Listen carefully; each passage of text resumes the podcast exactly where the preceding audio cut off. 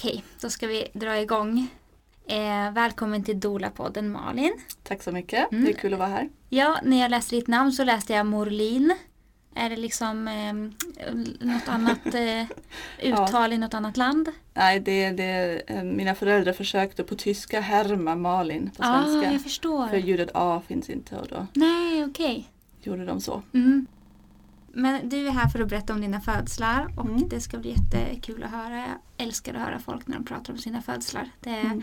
nästan lika härligt som att vara med på en födsel. Det är Mm. som du hade lyssnat på podden nu och liksom levde dig in i det du hörde. Ja, jag Mm. älskar att läsa förlossningsberättelser och, Mm. och men, lyssna på poddar och sånt. Mm. Och det är så skönt att det finns nu för tiden tycker jag. Att, det, att man kan ta del av andras upplevelser och lära sig något och förstå att man inte är ensam eller att man, hur det kan bli. Verkligen. Det tyckte jag var så bra med Märtas, den här boken Föda barn med stöd. Att det var liksom massa berättelser i början. Och, har inte läst den än. Nej. Jag har den hemma men inte Ah, läst den. Du har något härligt framför dig. Ja. Okej, men vill du berätta först vem du är och vad du sysslar med? Ja, jag är um, jag jobbar som lärare. Mm. Ehm, Du har två barn. precis, jag har Ja. två barn. Mm. Och um, egentligen det som är liksom mer intressant än mitt jobb eller så är att jag är väldigt um, jag är intresserad av födslar, förlossningspolitik.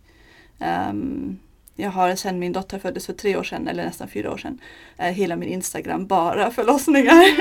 bara dolor, barnmorskor, några läkare finns också med. Mm. Um, och jag gör också med flit så att jag inte klickar i. Ibland är jag liksom sådär, vill jag ju läsa vad som händer med Harry och Meghan. Och så, Mm. men jag klickar inte på det för att algoritmen ska fatta att jag bara vill se födslar. Mm.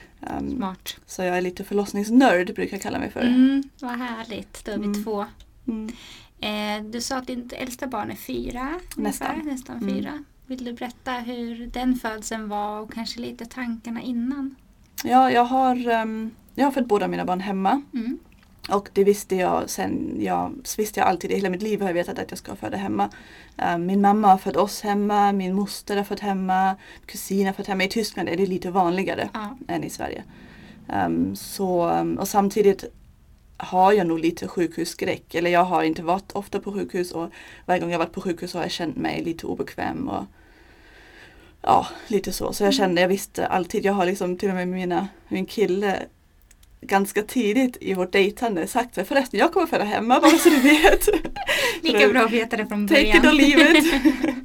um, så, så det har liksom aldrig varit någon, det har aldrig varit någon fundering. Sen Nej. när vi var gravida, eller jag är en sån himla planerad människa. Mm. Jag ska alltid planera allt i förväg.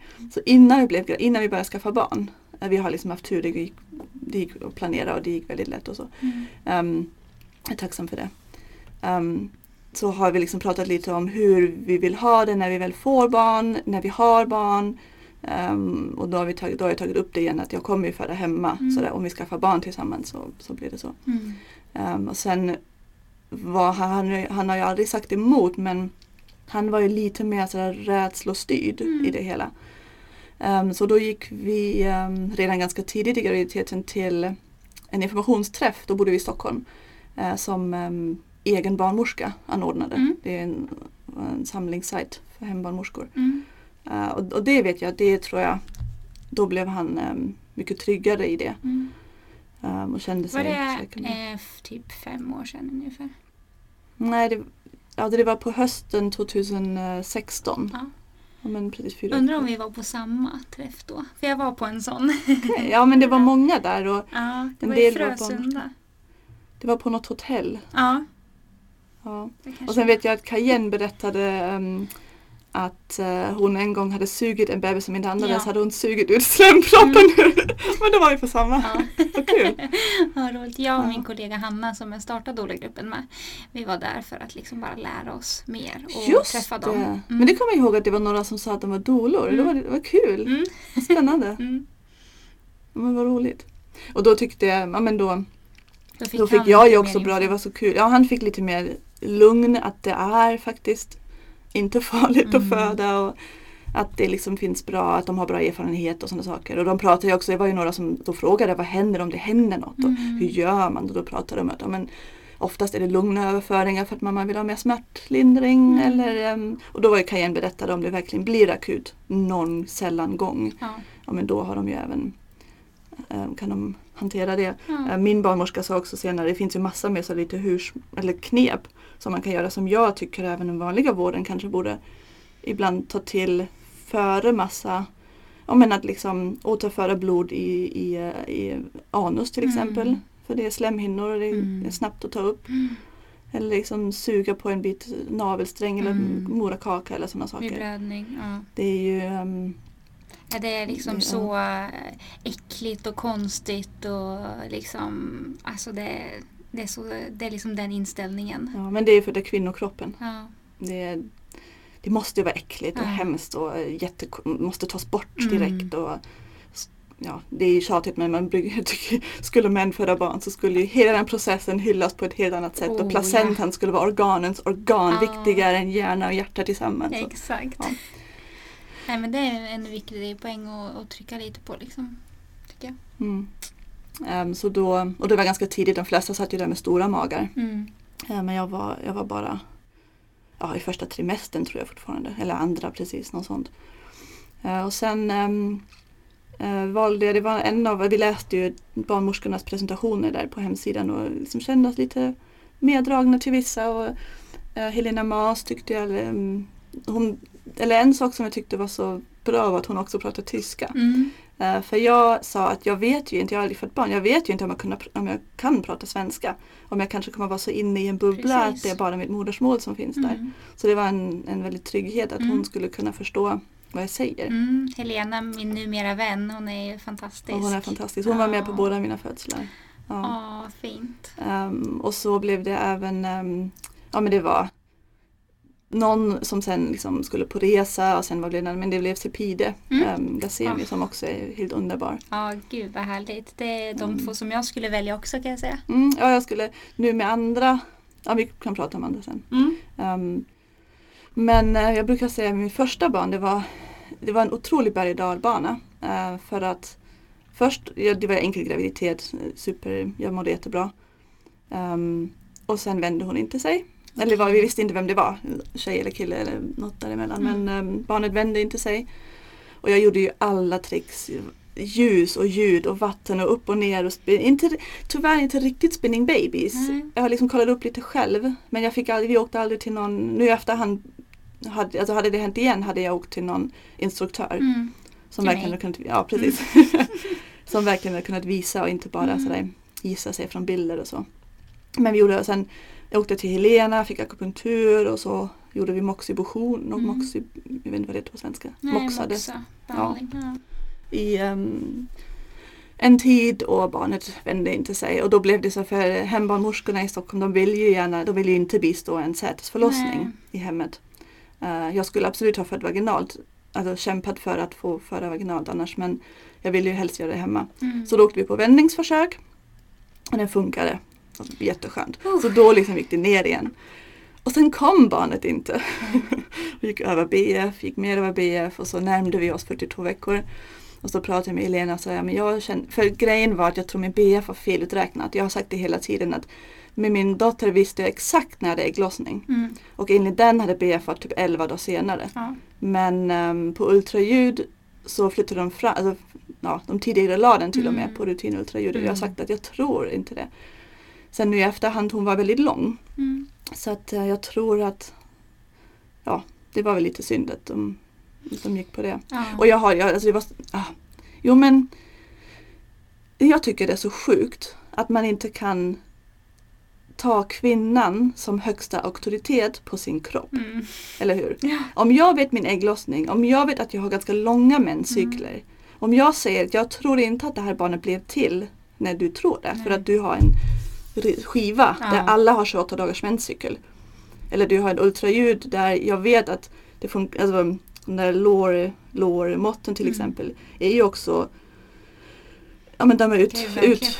Ja men de är också beräknade på vita barn till exempel. Ja. Har man en annan etnicitet så blir det fel också. Alltså, ja. Ja, det, det där har jag pratat med klienter om jättemycket senaste tiden. Att eh, i Sverige gör man också de här rutinultraljuden väldigt mycket senare. Att det är egentligen säkrare att beräkna ett datum om man gör eh, ultraljudet och beräkningen lite tidigare i Mm, graviditeten. Eh, så att det kan bli väldigt missvisande. Mm. Och eh, att kvinnans datum stämmer ju såklart Mm. nästan alltid mycket, mycket bättre ifrån Mm. till när bebisen faktiskt kommer. Ja. Så jag kände att jag, alltså jag kände mig väldigt ledsen att bebisen inte kommit än för jag var så himla inställd på att föda tidigt. För alla mina syskon, min mamma, min mormor, alla är födda tidiga. Eh, och så närmade sig 42 plus 0 men jag kände ju att nej men det är inte 42 plus 0, jag behöver inte stressa. Det är, mm, jag har typ 11 dagar till kände jag. Mm. Och så kom jag och Helena då överens om att vänta, jag minns inte, men några dagar till i alla fall efter helgen och om det inte händer något tills dess kanske om jag börjar kolla på hur man kan Mm. igångsätta. För jag ville förstås inte igångsättning. Nej. För jag ville vara föda hemma. Och, Mm. ja. Och det är inte förenligt. Nej, det, jag har faktiskt nu på senaste tid funderat på varför man inte, alltså om man skulle kunna typ åka in, bli igångsatt med mm, om en ballong eller jag skulle välja mekaniska lösningar för cytotec eller så. Mm. Men, ehm, och sen åka hem igen. Mm. Alltså varför inte det egentligen? Mm. Det är klart man får, man får ju allt, man får Mm. göra vad man vill. Men det har jag tänkt att om jag någon gång har ett barn till och det skulle bli tal om igångsättning så kanske jag skulle lyfta frågan. Ja, men jag, nu känner jag att det är igång, jag åker hem. Mm. ja, I alla fall så blev jag lite, ändå lite stressad och då var det som en dag, det var tror jag påsksöndag. Och jag bara grät och det, är som, det kommer aldrig bli någon bebis och det kommer inte funka. Och, ja, jag kommer inte kunna föda hemma och, och bara misär. Och sen dagen efter och så ringde jag Helena också förstås och sa ja, jag mår så dåligt. Och hon sa att ja men ibland är det ett tecken på att det kanske kommer igång och nästa dag gick mitt vatten. Mm. Det var skönt. Men, och då blev det liksom på topp igen, berg och dalbanan. Mm. Och så gick vatten men det kom inga verkar. Nej. Och det kom inte och kom inte och kom inte. Och så åkte vi efter 24 timmar åkte vi in för kontroll. Och det är jättebra. Jag är ju absolut för alla möjliga kontroller. Så, även om jag är för att inte föda på sjukhus. Mm. Ehm, och det såg bra ut och så vidare. Ehm, men apropå det där att bli lyssnad på. Då på sjukhuset då blev det, jag, ja, jag tyckte att jag inte blev lyssnad på för de, vi gick bara in och de sa att vi ska göra CTG, 20 minuter och så ska, ska du ligga här och vänta. Och sen kom de efter 20 minuter, ja vi måste ta en till. Och sen låg de där. Sen, ja vi måste ta en till. Eller här får du lite, de kommer med ett glas juice eller så, vatten. Här ska du dricka, vi måste göra en till. Och då har det liksom blivit lunchtid och sen till slut frågar men vad är det, vad är det som ni väntar på? Varför? Ja men vi ska ha en vilopuls och en aktivitetspuls. Och sånt. Men eh, typ ditt barn, eh, vi har fått samma.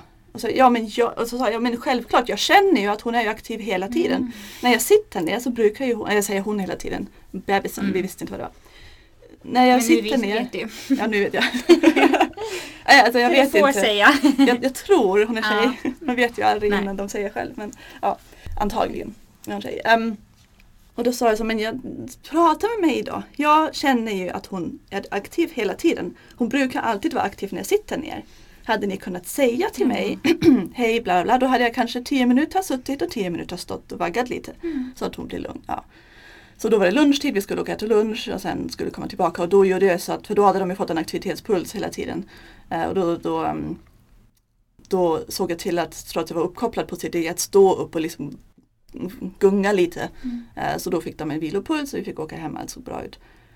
Eller nej, precis, så vi åkte inte alls hem utan jag, jag hade ju tjatat på dem jättemycket att jag vill ha en undersökning på om livmodertappen är mogen. Mm. För att ehm, jag skulle ha velat ta drinken, det sa jag inte då. Nej. Men jag sa att jag gärna vill veta om den är mogen men ingen ville undersöka mig när vattnet har gått och det, Nej. det är klart infektionsrisk och så.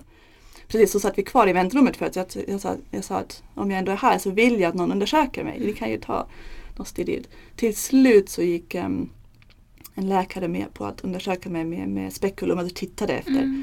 Och då sa hon att det var vatten, såg hon att det var vatten. Um, äh, precis, ja precis. Hon såg att det var vattnet för de hade inte riktigt trott på mig att vattnet hade gått heller.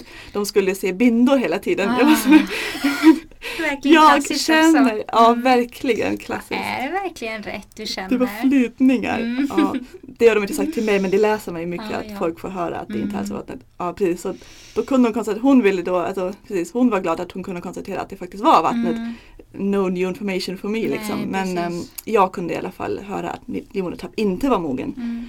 blev jag ju lite nedstämd. Mm. Eh, och då var det i Stockholm hade man 48 timmar tyckte de att man skulle sätta igång efter vattenavgång Precis. eh, för infektionsrisk. Mm. Det är lite olika olika regioner Mm. så. Och det är väl lite sånt som Mm. jag tänker är bra och för lyssnare att veta att men om man ska föda hemma så vill barnmorskan att man ska föda mellan vecka 37 och 42. Mm. Eh, och inte det här med igångsättning då. Som, Nej precis. som vattenavgång utan verkar liksom Ja precis. rekommenderas efter 48 timmar då att man drar Ja. igång det. Och man vill ju eh, precis mäta feber och sånt. Och man ska ju vara, man ska ju vara eh, frisk och Mm. i, i bra skick så att säga. Mm. Om man ska föda hemma. Ehm, men då, sen kom det inte verka heller den, hela den dagen. Så på kvällen ehm, tog jag förlossningsdrinken. Mm. Trots att jag då hade konstaterat omogen tapp. Och det Mm. ska man egentligen inte göra. Nej. För att då kan det bli pinverkar och det kan vara så att det inte händer något. Och det, är liksom, det kan vara att det bara en massa Man blir jättedålig i magen. Ja precis. och- Men jag känner lite att okej antingen tar jag det och liksom chansar. Mm. Eller så är det igångsättning imorgon bitti på Exakt. sjukhus. Mm.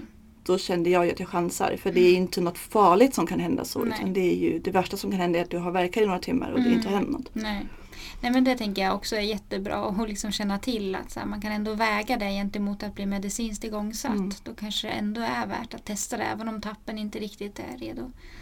Och eh, på tal om förlossningsdrink så är den faktiskt en del av den vanliga sjukvården på sjukhus i Tyskland. Mm. Eh, min syster, det var ganska kul, hon, så hon gjorde praktik um, fyra veckor på förlossningen samtidigt som jag var i slutfasen där på graviditeten.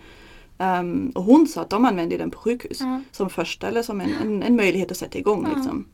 Eh, och om man läser på um, men, berättelser från USA och sånt castor oil heter det ju. Ja, Det är ju inte så himla ovanligt ändå. Nej, Nederländerna också vet jag. De Ja. använder den. Så jag personligen känner att jag skulle all, alltid hellre ta den än till exempel Cytotec Mm. eller, eller ja. Gud, jag alla dagar i veckan. Jag skulle ta den tio Ja. gånger före Cytotec. Det får man inte. Nej. De max tre gånger. Ja. Ja, sådana saker. Ja. Men då tog jag den i alla fall. Och det var lite weird för jag tog den klockan åtta på kvällen. Det kanske man inte ska göra för då satt vi sen i några timmar sådär. Mm. Händer inget, händer inget.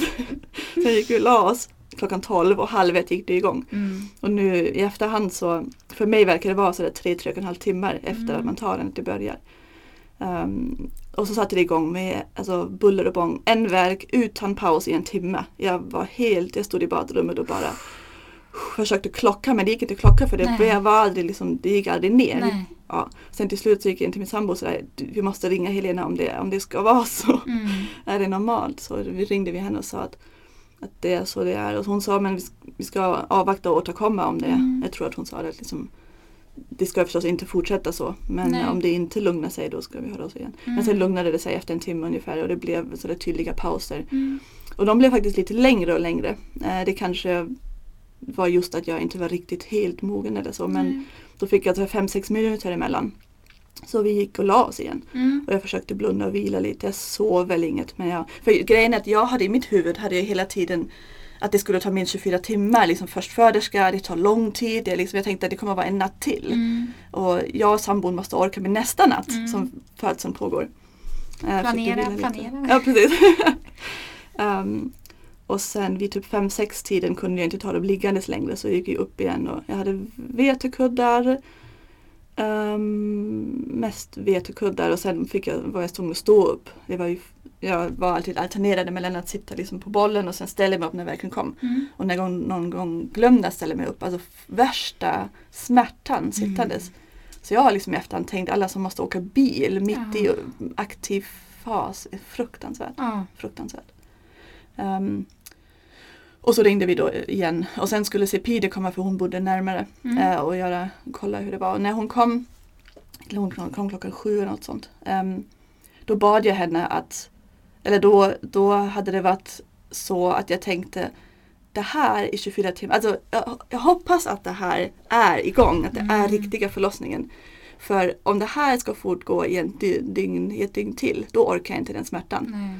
Var sådär, jag var lite orolig då innan hon kom sådär, att om det Mm. var pinverkare eller om det var riktig igång. Mm. Ehm, och då bad jag henne undersöka mig för jag brukar väl inte riktigt tycka att vaginalundersökningar är så himla nödvändiga men då Nej. sa jag att jag vill gärna veta var jag är någonstans. Ehm, och det gjorde ju ont. när Hon, Mm. alltså det, det är inte så kul att bli vaginalundersökt. Och då var det 6 centimeter. Mm. Då kan du förstå att jag var glad. Det var okej, det orkar. då var det okej, det är igång. Jag har dessutom Ja. kommit ganska långt. Kan man lita på det? Då är liksom? det lugnt liksom. Mm. Då var det så här. Och då, alltså smärta är så himla intressant. För smärta är ju så, Alltså till exempel mellan då innan hon undersökte och efter hon undersökte. Mm. Jag lovar att det var samma typer av verkar. Jag lovar att det var samma styrka i verkarna. Um, men det kändes ju så mycket mer smärtsamt innan. När jag var orolig och rädd och tänkte så här, hur ska jag orka? Mm. Och sen efteråt så var det okej, det är igång, det tar inte så lång tid till. Liksom, eller det tar i alla fall inte ett dygn till. Nej. Så. Um, då var de mycket mer hanterbara. Och sen kom Cipida också med världens bästa knep. Så där, för mig funkar det väldigt bra att hon tryckte mot um, svanskorten Mm. så där underifrån på något sätt. Precis. Mottryck. Mm. Ja. Mm. Eh, För vi hade faktiskt alltså vi hade gått en profylaxkurs, jag och Mm. sambon, men ehm, vi gjorde inte några av de grejerna. Nej. Jag tror att jag kanske är lite, ja men jag är lite sådär stark av mig. Och jag tror att jag kanske sådär i efterhand, ja, vi hade kunnat testa dem i alla fall. Mm. Men det var in- ingenting som jag ville eller sa eller behövde eller så. Du då. efterfrågade inget mer än det ni redan gjorde. Nej precis, och Nej. när Cipire kom och bara gjorde det liksom, då Mm. märkte jag att det här är jätteskönt. Liksom, Mm. så. Eh, så det var, det var bra. Och det var är ju intressant verkligen också. så här barnmorskan eller dolans roll lite att se så här, kan vi göra det här ännu lite bättre? Så att man Mm. kanske tycker att man har en, en väl fungerande ritual när verkarna kommer men att ibland kan man liksom utifrån se att man, man kan påverka det ännu lite bättre så att upplevelsen av smärtan minskar. Precis. Och det är så skönt när man känner de som kommer. Eh, För då är det, alltså jag tror att om någon random person på förlossning hade stoppat upp sin hand mot, alltså, ja, mot, mot, ändå- mot rumpan ja, liksom. precis. Kanske inte hade känts så kul. Nej. Men jag kände Cipire, jag hade bjudit in henne. Mm. Ehm, och då var det jättebra att hon, hon gjorde det. Ehm, och så fortsatte det. Jag har, min mamma var där också och fotade en hel Mm. del. Så jag har jättemånga fina bilder. Det var så intressant för jag blundar ju på nästan alla. Mm. Ehm, och för mig, alltså tiden är ju, är ju ingenting. Jag märkte inte tiden. Ehm, men jag märkte ju mina ljud. Mm. Det var, alltså, precis, Peder ringde ju då Helena också förstås. Att okej, det är igång, du kan också komma. Hon hade lite längre resväg. Mm. Ehm, och när hon väl kom så fick jag lite akupunktur. Jag märkte inte riktigt det. Jag såg det på bilderna efteråt. Att jaha, är det nålar där? Vad kul. Men då Ehm, bodde ni här i Stockholm? Ja, i Upplands Väsby. ja. Ehm, men jag hörde det var så himla intressant med um, vilka ljud man gör. Mm. Eh, för jag började efter en tid så började jag göra sådär hebbede hebbede hebbede hebbede hebbede hebbede. och så what? Var kommer det ifrån? Gud vad häftigt det där är alltså. Och vad kroppen gör det Ah. liksom. Och det är ingenting jag ifrågasätter. Det var Nej. jaha, det låter tydligen så här. Jag säger hebbede hebbede hebbede. och det, alltså det betyder inget på tyska heller. Nej. Det var liksom ljud. Ja, och det är som funkar får ja. man köra på. Ja, precis. Så då tror jag att det var, alltså det var ingen som undersökte mig något mer men då var det säkert någon slags övergång eller så. Mm. Att ljuden ändrades. Mm. Ehm, och, och sen kom kryss till pulsen och det är också så himla häftigt. Jag har ju aldrig upplevt en födsel där man är bedövad eller så men är man in, är jag, när jag inte var bedövad, det är ju, kroppen börjar krysta. Det är ingenting som man behöver bli tillsagd om eller liksom, eller, eller om man har epidural, epidural så måste man ju det för, Mm. antar jag för då känner man inte det. Men, men det var så häftigt att känna att men nu börjar min kropp krysta. Mm. Liksom vad kul. Man kan ju uppleva krystreflexer när man har epidural men det är inte så jättevanligt i min erfarenhet och att man ändå behöver bli guidad ganska mycket och, och forcera så att man, man kanske känner trycket men man kanske måste trycka på mer, att man Mm. bestämmer sig för att göra det. Medan om man inte har det eller liksom någon stark eh, bedövning att det kommer som en reflex. Mm. Väldigt häftigt. Ja det är väldigt häftigt Mm. att vara med om det. Hur upplevde du krystvärkarna? Ja det var så skönt. Smärtan tog slut. Mm. För det hade blivit mer och mer smärtsamt förstås. Alltså det är inte så att förlossning, mina födslar har gjort ont. Mm. Jag har inte, någon, har inte fått någon orgasmic birth Nej. eller så utan det har gjort ont. Ja, det, det är ju häftigt om man Mm. upplever det liksom. Ehm, ja men andra hade jag egentligen tänkt att jag skulle försöka stimulera klitoris också för liksom smärtlindring och Mm. avslappning men jag glömde det. Jag Ja, gjorde aldrig okej. Gick det för snabbt eller var det bara att inte... Tänkte inte Nej. på det. Tror jag. Det var bara i efterhand att jag tänkte, ja just det, det där Mm. skulle jag ha testat. Mm. Ja. Men, um, och krystvärkarna med första, då, det, de gjorde inte ont längre. Nej. Det var bara, bara skönt. Mm. Eh, men sen... Men ehm, var det liksom att du, jag tänker att många är intresserade av det här att eh, smärtan successivt ökade under födseln, liksom aktiva fasen och sen när krystvärkarna kom så var det att liksom trycket tog över. Var det så att du liksom kände mer ett tryck eller var det karaktären? Liksom, kan du beskriva? Alltså jag tror det jag kände var liksom att jag, att jag liksom krystade, att Mm. mina muskler spändes. Mm. Men jag, nu är det också nästan fyra år sedan. Ehm, jag minns inte riktigt exakt men jag minns i alla fall att jag sådär i min egen berättelse om det hela sen var känslan av att det gjorde inte ont. Nej. Punkt. Liksom. Gud vad, vad Ehm, häftigt. ja, Mm. ehm, och det var väldigt skönt att få den, den pausen. Liksom. Mm, jag tänker att det är många som också kan vara oroliga och rädda just för krystfasen och tänka så här, gud hur ska jag stå ut med, med det? Och så kanske man tänker det under aktiva fasen att hur ska det bli under krystfasen om det är så här aktivt nu och intensivt? Men för Ehm, vissa, blir, alltså vissa har ju har jätteont när de Ja. krystar. Men, absolut ehm, inte alla är min nej. erfarenhet. Jag har också hört av Mm. flera att krystvärkarna då, då gör smärta, då är, då gör det inte ont längre. Nej precis, att det blir något helt annat. Ja. Mm. Ehm, Vad var det för ställningar här under krystfasen? Ja precis, det är det jag tänkte komma till. Det Ja. tog, eller jag hade inte så bra koll på klockan och så men på, det är så kul med fotona för då ser man ju Exakt. tidsstämpeln. Mm. Eh, vi höll på ganska länge, i två timmar tror jag. Mm. Eh, och barnmorskorna föreslog ju lite olika ställningar och de bad mig att testa. Jag tror jag började stod jag nog på alla fyra. Ehm, och sen bad de mig att testa ställa upp ehm, ett ben på soffan. Och ehm, göra liksom, trycka in rumpan alltså så att ryggen Mm. och benet blir liksom en linje. Ehm, men jag kunde inte, när jag väl krystade så åkte rumpan ut. Mm. Så jag kunde och det tror jag är en spinning babys position Mm. eller någon sån, ja. Ehm, men den funkade, ja, jag klarade inte av, när jag väl krystade så, så blev jag liksom, ja. Då ville du svanka lite mer eller? Nej tvärtom, jag ville liksom göra Ah, rund okej. rygg och jag ville Ah. bli som en boll och Jag inte fattar. utsträckt. Ah, Liksom. jag fattar. Mm. Så på fotona ser man att mellan, alltså i, i verkpauserna så står jag Mm. um, så där med benet upp och som en rak linje Mm. men sen när jag krystar så börjar jag liksom Mm. Ihop krympa dig. ihop. Eh, och sen testade vi ehm, på alla fyra igen, sen testade vi på huk, alltså att jag liksom, min sambo satt på soffan Mm. eh, och jag hängde med armarna över hans ben och liksom satt på huk i princip. Men, Ryggen emot honom. Precis. tänker. Ja. ja, och det var så hon faktiskt kom också sen. Mm. Men jag tror att vi hade några flera byten däremellan för ehm, och alla sa varje gång att liksom, varje gång vi har haft positionsändring då händer det grejer. Just det, jag var i duschen däremellan, Mm. liksom, under aktiva fasen var jag i duschen. Det var, det var så skönt. Mm. Och det var, jag var där en timme, Mm. kändes som tio minuter. Mm. Det var liksom sådär, ja. Det är många som säger när de duschar och Ja. badar, det blir, tidsperspektiven blir helt tokiga. Helt, alltså det var liksom Ja. bara, jag var där i tio minuter och sen hade det gått en Mm. timme och de tyckte jag skulle komma upp och det var ja. Man Vi hade såg ingen på badkar. hela, på hela ditt uttryck när du sa att du duschade att det var så här, ah, det var en härlig stund typ. Mm. Verkligen, det var så bra smärtlindring. Mm. Det var just precis innan det började, alltså det var liksom i slutet där tror jag. Ehm, men i alla fall sa de att varje gång vi gjorde en pos- positionsändring så hände det något. Eh, så då bytte vi liksom ganska mycket under Mm. krystverken. Liksom tre, fyra verkar och sen byta position och tre, fyra, fem verkar. Mm. Kändes det, nu vet jag inte riktigt. Ja men jag tror att det var så. Mm. Ehm, och nu i efterhand, alltså när hon väl kom ut ehm, så såg man att hon hade legat lite snett. Mm. Hon hade liksom en, en blå fläck på sidan Mm, uppe på huvudet. Så jag misstänker ju att vändningsförsöket, ehm, att hon kanske inte hade bra, fått en bra position där. Nej, För att hon inte själv hade lagt sig till rätta utan säkert. blev lagt så. Så det är därför det tog lite extra lång tid tror jag. Mm. Men det var inget som jag fund- Jo men jag minns att jag blev lite förbannad sen i slutet att sådär men jag började Eller jag det var faktiskt, jag svor med flit. Mm. För jag hade sett en studie på att man klarar mer smärta.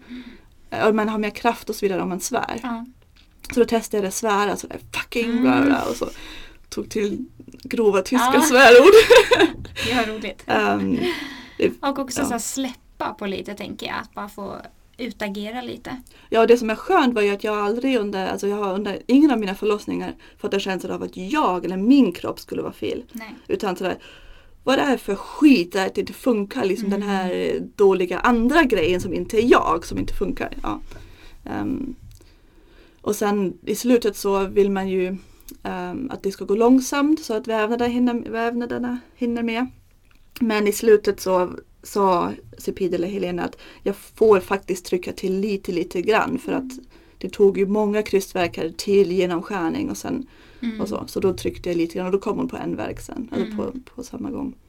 Ja, både Mm. huvud och kropp. Precis. Ja. Mm. Ehm, och jag brast nästan ingenting, men några mindre bristningar. Mm. Och det var så härligt och jag fick upp henne och jag var så, hon var så underbar och allt var så underbart. Och, det var så och jag minns att jag låg där bara typ en kvart eller sånt innan, eh, efter hon kom ut. Så det, det här var drömförlossningen! Och, och min sambo och jag hade kommit överens om att få två eller kanske tre barn. Mm. Ehm, jag kanske kunde tänka mig tre men han kunde tänka två. Men då när jag låg med henne på bröstet var jag så här, jag måste få tre eller fyra barn. det, här, det det här gör inte jag bara en gång Det är till. hormonerna som talar. Ja, verkligen. Och det var så fint. Och sen var hon en tjej då som det var, det var, ja, men det var lite extra kul faktiskt. Jag, Mm. hade, jag blev lite glad att jag fick en dotter. Ehm, även om det kanske inte är så PK. Man får säga Mm. allt i den här podden. Ja, ja jag, jag var glad. Jag ja. tyckte det var skönt att ha en, Mm. en dotter. Ehm, och sen blev vi, ja, vi låg ju där och bondade och ehm, hon hade ju bra Apgar-poäng och allt sånt. Och sen efter en stund så tror jag att de bad mig testa krysta lite. Jag kommer inte ihåg några efterverkar. Jag hade säkert några. Men inte något sådär så att jag kommer ihåg så mycket. Eh, och sen kom moderkakan. Eh, och de fick, de drog lite grann ändå. Ehm, och jag minns att det gjorde lite ont. Mm. Så jag blev sådär, det finns ett foto som är bara jätteförvånad. Så, Va? Liksom, Varför gör det ont? Det, Mer smärta. ja, det var någonting, ja men att kanske någon hinna satt lite fast eller ja men de, någonting lite, jag tror det var en hinna faktiskt Ja. som de drog lite lätt. Mm, Så kom fosterhinna. moderkakan. Mm. Och sen avnavlade vi liksom efter, långt efter den har kommit ut. Jag tror en och en halv timme senare. Och de satt i köket, barnmorskan satt i köket och skrev journal och vi Mm. liksom satt där och var glada. Och jag fick lite mat. Och det hade, alltså hela hade tagit 12 timmar, det var klockan 12 på, på, um, mitt på dagen. Så det var inte alls 24 timmar och två nätter och sånt utan det gick väldigt smidigt. Ja. Um, så det var väldigt skönt. Hur har ni liksom pratat, eh, hur pratade ni efteråt om den här födseln, du och din sambo? Ja men att det var alltså, helt fantastiskt och det, det är också så, alltså foton, det är så bra att ha foton. Mm. För han, det finns så många foton som han bara typ ler och är glad och, och, och jag blundar och håller på. Men att liksom, det var så bra stämning. Det var ju Mm. alla bara var glada och litade på oss och mig och bebisen och så. Så det var, Mm. det var väldigt skönt. Och min sambo, jag vet att han också um, uppskattade då det här att man är hemma. Ja. Att man inte, ja men att man bara vill ha oss och så vilade klockan Ja men barnmorskorna var ju, jag var ju kvar några timmar. Jag duschade. ehm, vi, ehm, vi tvättade inte bebisen men Nej men just det, hon bajsade på oss. så vi tvättade av oss och Mm. henne. Och, ehm, sen hjälpte de mig med liggamning. Mm. Hur man gör det på bästa sätt. Så att näsan är fri och sådana saker. Ehm, och sen efter en stund så åkte de hem. Och då gick, la vi oss och vilade lite. Jag tror mamma hade, eller jag lik mig i alla fall, vilade. Um, sov i min egen säng och sen gick vi upp igen och så. Ehm, det var väldigt mysigt. Mm. Sen hade vi sådär, om man pratar postpartum så um, ja, man hade lite gulsot Mm. så vi fick åka in några gånger och det var ju också fruktansvärt. En barnläkare som ja, hävade ur sig, det var tror jag fem, fem dagar efter eller sex dagar, det vill säga hormon, högsta Mm, hormon, baby blues liksom. Ja, hon ser lite mager ut. Jag bröt totalt ihop. ehm, för hon var väldigt smal, hon, hon var 55 centimeter och 3300 gram. Okej. Så hon var liksom lång och smal. Mm. Och hade gått ner då lite grann för, i början förstås. Eller förstås och förstås men Det är ju väldigt vanligt. det är vanligt. Mm. Ehm, och sen tänkte hon barnläkaren högt sådär ja hmm, om det skulle bli liksom UV-behandling ehm, då blir man ju inlagd eller så. Jag sa ja, nej jag vill, jag vill inte vara på sjukhus. Nej det finns ju sådär filtar man kan få hem men det gäller ju bara barn som är inskrivna men ni har ju inte fött här, ni är inte, vår, ni är inte våra patienter. Undrar hur det går, undrar om man kan låna hem. Jag höll dem på och jag var sådär, jag behöver inte höra det här. Jag vill förstås inte bli inlagd för att min bebis är gul. Om ni har filtar man kan få hem då vill jag förstås få hem en filt. Mm. Liksom. Ah, Så oproffsigt att så- stå och överlägga inför er typ. Ja, och jag bara grät. Liksom. Mm. Så, och sen åkte vi några gånger och varje gång var, var det liksom okej gränsvärden. Mm. Ehm, och så sista gången lämnade vi återbud för jag kände att, för då hade vi börjat väga henne hemma. Mm. Och jag hade börjat um, så handmjölka och koppmata, eh, skedmata för att det hjälper ju, alltså mat hjälper ju att bryta ner Ja, bilirubinet. Precis. Um, för amningen kom lite långsamt igång där. Mm. Eh, och då vägde vi henne på köksvågen varje dag och kände Mm. att nu går hon upp, eller nu har vi koll på viktnedgången. Eh, Hon börjar gå upp igen, Eh, vi känner inte att vi behöver göra en till Nej. test. Hon ser inte mer gul ut än innan. Men då var de också väldigt tydliga med att de inte uppskattade att vi tog det egna Nej. beslutet. Utan, Såklart. eh, ja, ehm, men det var ganska skönt för det, var ju, det tar ju ändå en halvtimme i bil. Bebisen hatar att åka bil. Ja. Jag, alltså det var ju andra, tredje dagen efter förlossning som vi åkte in för barnläkarundersökningen. Eh, och då för att Cepida hade sagt att hon ser lite gul ut, vi ska Ah. åka och ta det samtidigt med barnläkarundersökningen. Um, alltså fruktansvärt ont Mm. i liksom eh, slidan och så vidare, att åka bil och åka Ja, på. Jag är så övertygad om att föda hemma och inte behöva förflytta sig varken, varken under Ja. eller efter förlossning. Liksom. Så jag, jag ville verkligen inte åka in dem mer. Ja. Men hur mådde du eh, sen postpartum? Fysiskt, psykiskt? Um, Om du vill dela något? mycket humörsvängningar, mycket gråt och sånt. Um, men fysiskt var det bra. Mm. Jag, var ju, jag minns att det var liksom, ja, men tre dagar tror jag efter eh, att jag första gången liksom gick ut utanför huset och vi gick en runda kanske 300 meter. Något sånt. Och jag var ju helt slut efter det. Mm. Och precis, ja det, det ska jag säga att eftersom jag hade krystat så länge och jag kände då att liksom bita ihop och krysta funkade bra för mig. Eh, så jag var jättesvullen i käkarna. Ah, okej. Eh, och alltså dels så kände hela kroppen kände mig mörbultad som en ångvält hade kört över mig. Mm. För att alla muskler har jobbat i 12 timmar liksom och man är Mm. helt slut. Men den där käken, jag kunde bara äta soppa första dagen. Och fick Helena, Helena kom satt hon några nålar också som, förhoppning- Ah. alltså, som skulle liksom hjälpa till med det. Så det var en stor så där, kom ihåg grej till andra förlossningen. Mm. Bit inte ihop. Nej, I alla fall inte om man ska krysta en längre Nej stund. Så precis. Ja, det var fruktansvärt. Men, ehm, men det här att det var mycket humörsvängningar och mådde upp och ner, var det liksom första veckorna eller hade du det längre period? Nej, jag tror att det var bara någon vecka. Ja, För jag minns att när hon var typ två veckor så kom mina syskon på besök Mm. och då, kände, då tror jag att jag mådde, Mm. att jag var ganska stabil. Mm. Ehm, så det bara var en... Jag gjorde, jag gjorde faktiskt ehm, jag gjorde en smoothie med en bit moderkaka Mm. i direkt efter, jag tror samma dag hon föddes precis. Ehm, men det kändes lite konstigt faktiskt. Så med mitt Mm. andra barn har jag kapslat in det istället. Ja.